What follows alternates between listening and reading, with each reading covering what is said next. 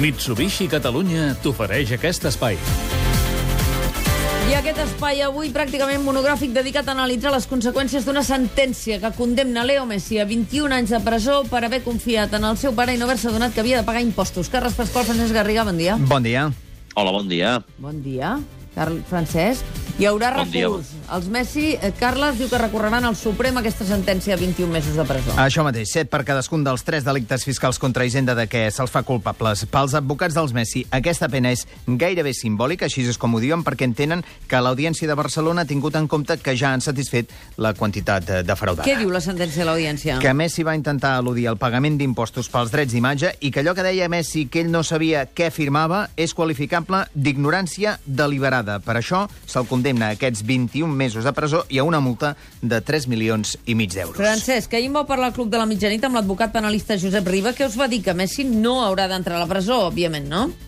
Vaja, que la llei diu que ha de complir una sèrie de requisits per no haver-ho de fer, que els compleix tots, tot i que això no és una qüestió que sigui automàtica, és a dir, ha de ser el jutge el que decideixi que, que no els reuneix i que tot i així tampoc hi entra.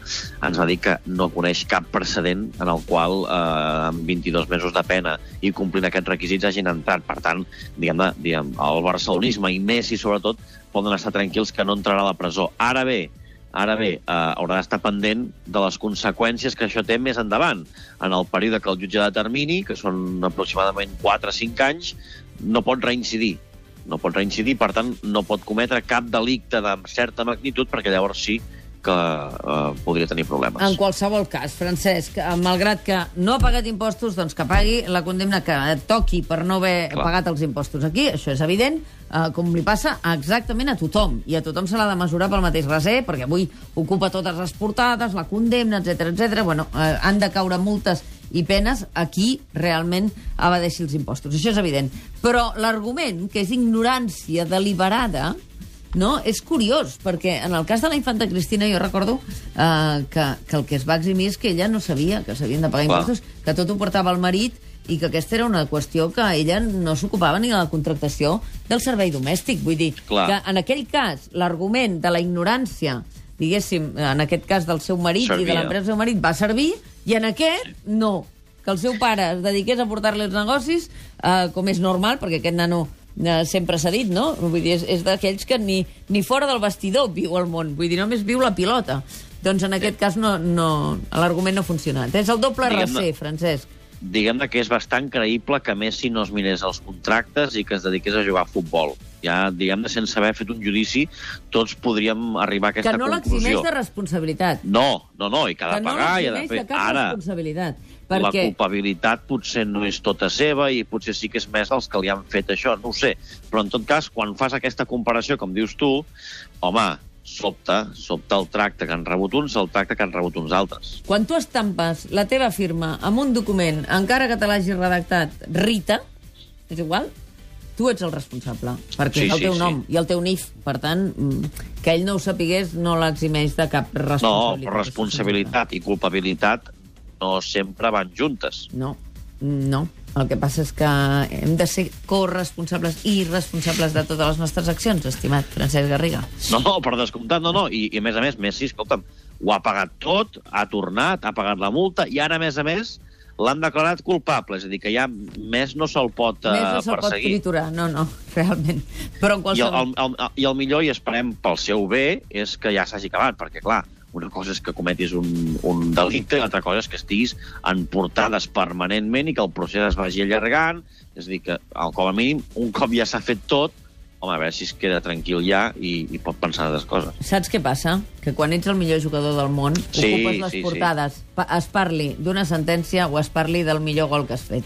Segur, això, segur. això és bastant inevitable, perquè avui, eh, i ho comentàvem abans a la redacció a la matinada, no?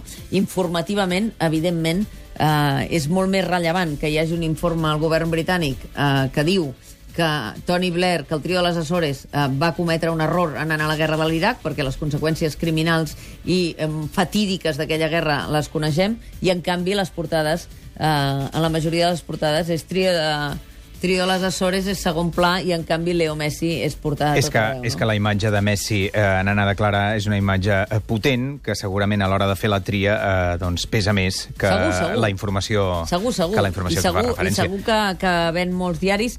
En el cas del periòdico, per exemple, sí hi ha el trio de les Açores, però eh, eh, i, a, i al País també, però mm, és d'alguna manera, i a la Vanguardia també, però hi ha alguna, d'alguna manera Leo Messi està sotmès al focus totes les hores del món. I l'ABC, l'ABC és monogràfic.